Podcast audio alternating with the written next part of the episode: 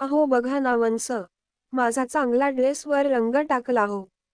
हे काय वय आहे का यांचं? अशी वंदनाने तक्रारीच्या सुरातच भेटताक्षणी सुरुवात केली. मी म्हटलं थांब एक गोष्ट ऐकवते मग बोल. ऐक तर मग. चष्मा साफ करता करता एक वयस्कर काका आपल्या बायकोला म्हणाले अगं आपल्या जमान्यात मोबाईल नव्हते. काकू. हो ना. पण बरोबर पाच वाजून पंचावन्न मिनिटांनी मी पाण्याचा ग्लास घेऊन दरवाजात यायची आणि तुम्ही पोहोचायचे काका. मी तीस वर्ष नोकरी केली पण मला आजपर्यंत हे समजलं नाही की मी यायचो त्यामुळे तू पाणी आणायचीस की तू पाणी आणायचीस त्यामुळे मी लवकर यायचो. काकू. हो. आणि अजून एक आठवतं की तुम्ही रिटायर व्हायच्या आधी तुम्हाला डायबिटीज नव्हता व मी तुमची आवडती खीर बनवायचे तेव्हा तुम्ही म्हणायचे की आज दुपारीच वाटलं होतं की आज खीर खायला मिळाली तर काय मज्जा येईल. काका. हो ना अगदी. ऑफिसमधनं निघताना मी जोही विचार करायचो घरी आल्यावर बघतो तर तू तेच बनवलेलं असायचं. काकू. आणि तुम्हाला आठवतं पहिल्या डिलिव्हरीचे वेळी मी माहेरी गेले होते तेव्हा मला कळा सुरू झाल्या होत्या. मला वाटलं हे जर माझ्याजवळ असते तर. आणि काय आश्चर्य तासाभरात तर स्वप्नवत तुम्ही माझ्याजवळ होतात. काका हो त्या दिवशी मनात विचार आला होता की तुला जाऊन जरा बघूयात. काकू. आणि तुम्ही माझ्या डोळ्यात डोळे घालून कवितेच्या दोन ओळी बोलायचे. काका. हो आणि तू लाजून पापण्या मिटवायचीस व मी त्या कवितेला तुझा लाईक मिळाला असं समजायचो. बायको एकदा दुपारी चहा करताना मला भाजलं होतं त्याच दिवशी सायंकाळी तुम्ही बर्नोलची ट्यूब आपल्या खिशातनं काढून बोलले. याला कपाटात ठेव. काका. हो आदल्या दिवशीच मी बघितलं होतं की ट्यूब संपली. काय सांगता येतं कधी गरज पडेल ते. हा विचार करून मी ट्यूब आणली होती. काकू तुम्ही म्हणायचे की आज ऑफिस संपल्यावर तू तिथंचे सिनेमा बघूयात आणि जेवण पण बाहेरच करूयात. काका. आणि जेव्हा तू यायचीस तर मी जो विचार केलेला असायचा तू अगदी तीच साडी घालून यायचीस. काका काकूजवळ जाऊन तिचा हात हातात घेत बोलले. हो आपल्या जमान्यात मोबाईल नव्हते पण आपण होतो.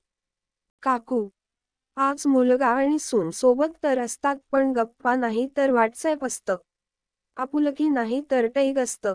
केमिस्ट्री नव्हे तर कॉमेंट असते. लव नाही तर लाईक असते. गोड थट्टा मस्करीच्या ऐवजी अनफ्रेंड असतं. त्यांना मुलं नको तर candy crush saga temple run आणि सबवे सर्फर्स पाहिजे. काका. जाऊ दे ग. सोड हे सगळं. आपण आता व्हायब्रेट मोडवर आहोत. आपल्या बॅटरीची पण एकच लाईन उरली आहे. अरे कुठे चाललेस? काकू. चहा बनवायला. काका. अरे मी म्हणणारच होतो की चहा बनव म्हणून. बायको माहिती आहे मी अजूनही कव्हरेज क्षेत्रात आहे आणि मेसेजेस पण येतात.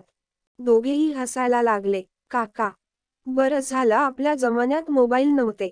मित्रांनो खरंच आतापर्यंत बरंच काही निसटून गेलंय व बरंच काही निसटून जाईल. बहुतेक आपली ही शेवटची पिढी असेल की जिला प्रेम स्नेह आपलेपणा सदाचार आणि सन्मानाचा प्रसाद वर्तमान पिढीला वाटावा लागेल. गरजेचं पण आहे. प्रत्येक प्रेमळ जोडप्यास समर्पित. इकडे वंदना वहिनी उठून स्वयंपाकघरात गेल्या होत्या. मी जाण्याच्या आतच वहिनी म्हणाली लिंबू शरबत करते यांचेसाठी. तेवढ्यात बेल वाजली. कोण बरे असेल? अघेच हेच आहे. उघड दार. वंदना पुटपुटली. मी दार उघडले. श्रीकांत दादा आत येता येता म्हणाले जरा लिंबू शरबत करतेस का? संपले. आपल्यासाठी रामकुटी पॉडकास्ट तसेच छान छान मेसेज ऑडिओ स्वरूपात घेऊन येत आहेत. म्हणजे मीच रामकुटीच वाचून दाखवणार आहे. रामकुटी पॉडकास्टवर ज्येष्ठ साधकांनी साध्या आवाजात छान दुर्मिळ स्तोत्र म्हटलेली आहेत ती नक्की ऐका आणि मुलांना पण ऐकवा. यूट्यूबवर रामकुटी चॅनलवर कॉमेंट्स मधून कळवावे. रामकुटी पॉडकास्ट आपण Apple podcast Amazon music Jio Saavn Gaana Google podcast Spotify tune in आणि यूट्यूबवर आहे. तेथे कॉमेंट करा लाईक करा आणि जगातील पॉडकास्ट पुरवणाऱ्या सर्व्हिस प्रोव्हायडरवर आपण रामकुटी सर्च करा.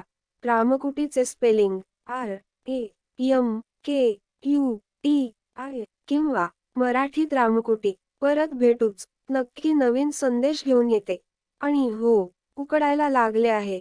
गच्चीवर व्हरांड्यात पक्षासाठी वाटीत पाणी ठेवा. थोडे धान्यदाणे पण बरोबर ठेवा. आपला दिवस शुभ जावो. आपलीच रामकोटी.